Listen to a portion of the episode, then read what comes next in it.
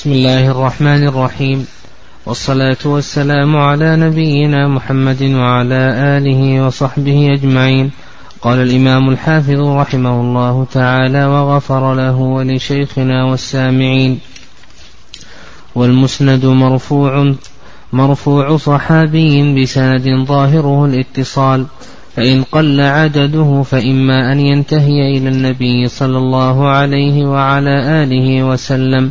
أو إلى إمام ذي صفة علية كشعبة فالأول العلو المطلق والثاني النسبي وفيه الموافقة وهي الوصول إلى شيخ أحد المصنفين من غير طريقه. طيب بسم الله الرحمن الرحيم. الحمد لله رب العالمين والصلاة والسلام على نبينا محمد وعلى آله وصحبه أجمعين.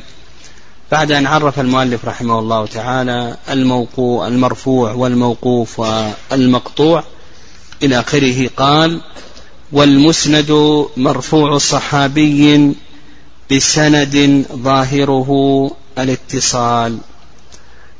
ما هو المسند؟ عرفه المؤلف رحمه الله. قال لك المسند هو مرفوع صحابي بسند ظاهره الاتصال.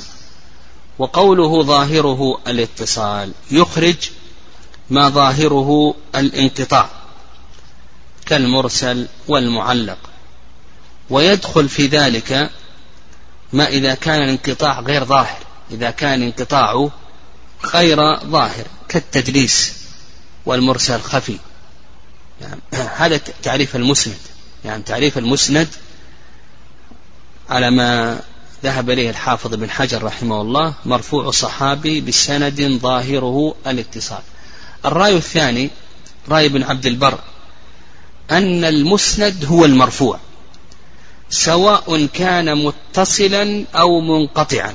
المسند هو المرفوع سواء كان متصلا أو كان منقطعا. فيدخل في ذلك المرسل والمنقطع والمعضل إلى آخره.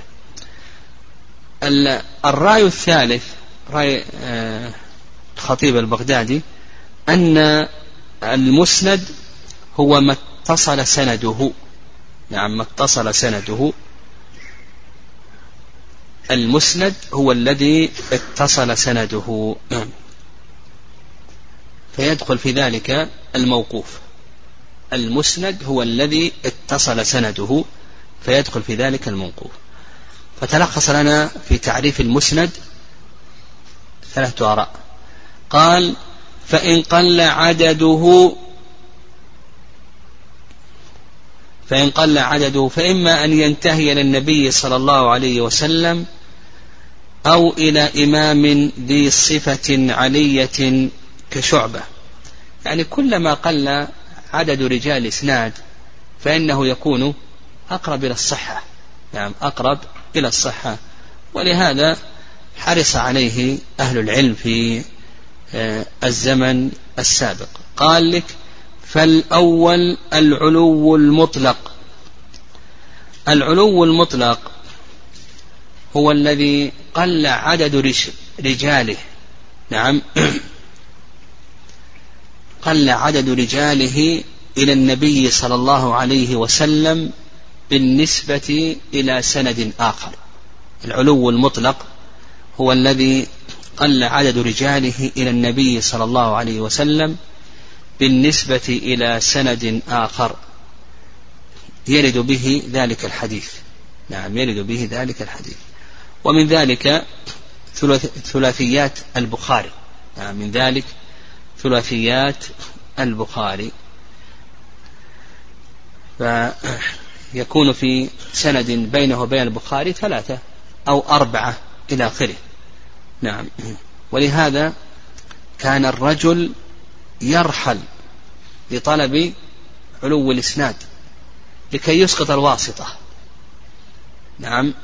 هو يرويه عن شيخ وشيخ شيخه موجود فلكي يسقط الواسطة بينه وبين شيخ شيخه يرحل لكي يأخذ عن شيخ شيخه. وهذا كله طلبا لأي شيء؟ لعلو الإسناد. نعم طلب لعلو الإسناد. وكما سيذكر المؤلف رحمه الله والحقيقة أن الأولى هو الاهتمام بالتضعيف والتصحيح. وأما مثل هذه الأشياء نعم ففيها نعم يعني وإن كان فيها شيء من الفائدة إلا أن الأفيد هو العناية بالتصحيح والتضعيف لأن الإسناد قد يكون نازلا.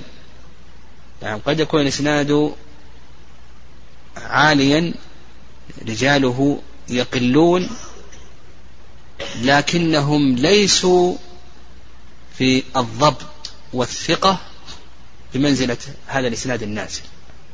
ف نعم إلى آخره. قال والثاني النسبي يعني العلو النسبي.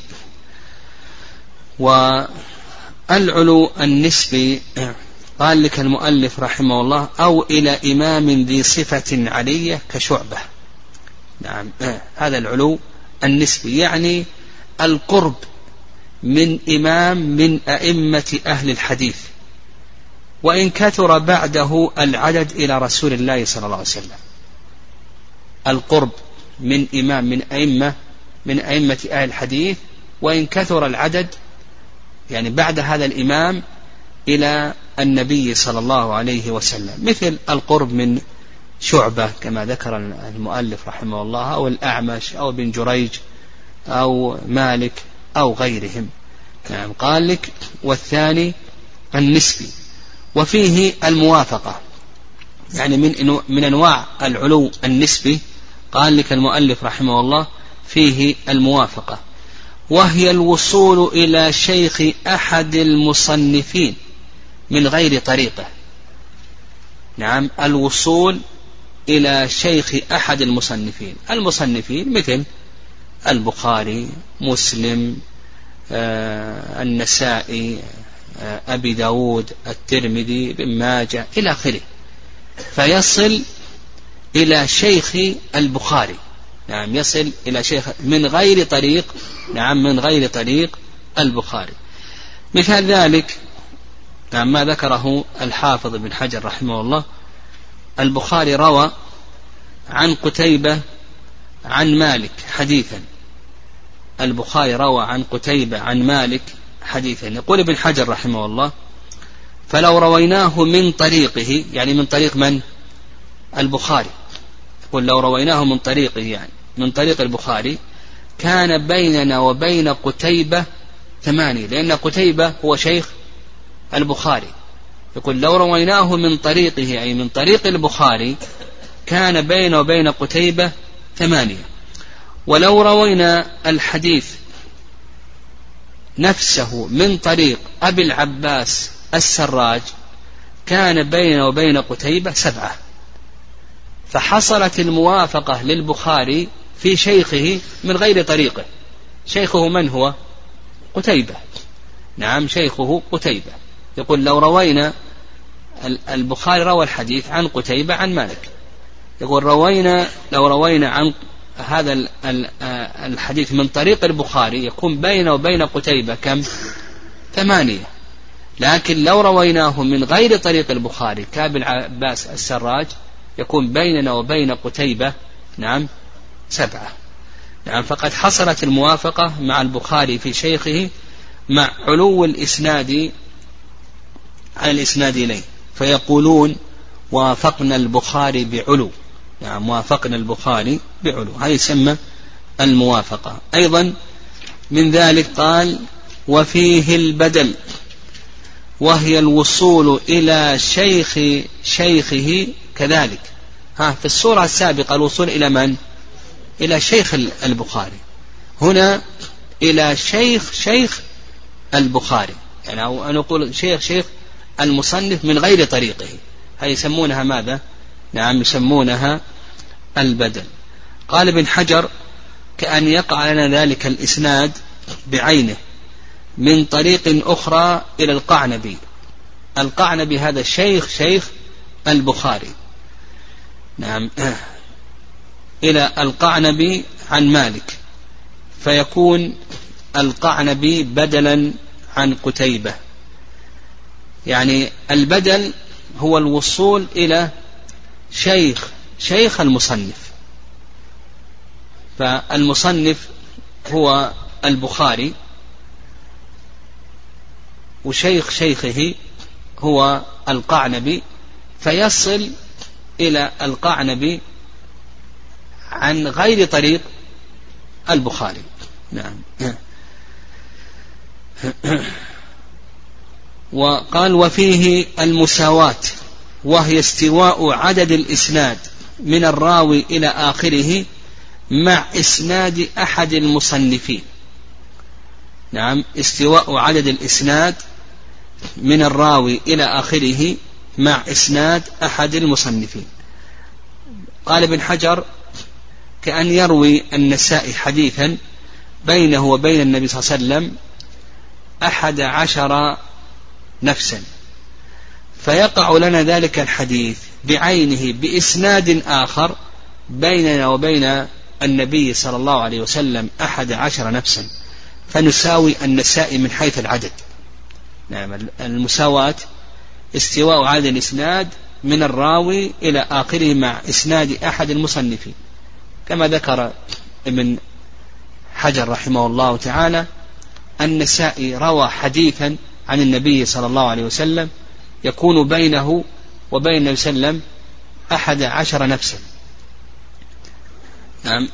يقول لك فيقع لنا ذلك الحديث بعينه بإسناد آخر غير إسناد النسائي. بيننا وبين النبي صلى الله عليه وسلم أحد عشر نفسا. فنساوي النسائي من حيث العدد. قال رحمه الله فإن تشارك الراوي ومن روى عنه في السن واللقي فهو الأقران. نعم فهو الأقران. الأقران هو أن يروي رجل عن شيخه ويكون مولده قريبا من مولد شيخه ويشارك شيخه في الرواية عن شيخ شيخه. نعم. نعم يشارك في الرواية عن شيخ شيخه. ف فهو الآن روى عن شيخه وروى أيضا عن شيخ شيخه. نعم. قال تشارك الراوي ومن روى عنه في السن واللقي فهو الأقران.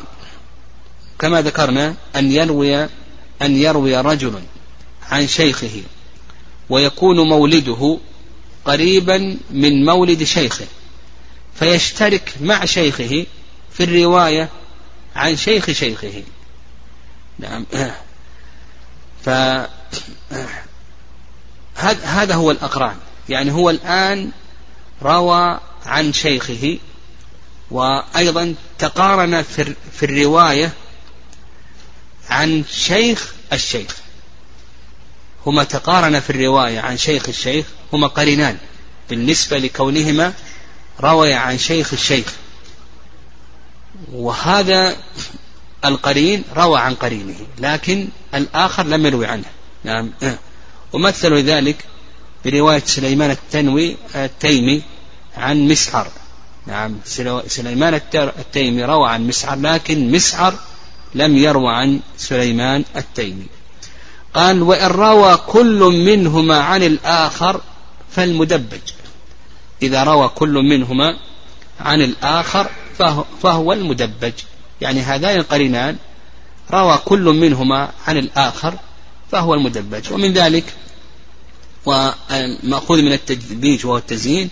ومن ذلك رواية الصحابة بعضهم عن بعض وكذلك أيضا رواية التابعين بعضهم عن بعض.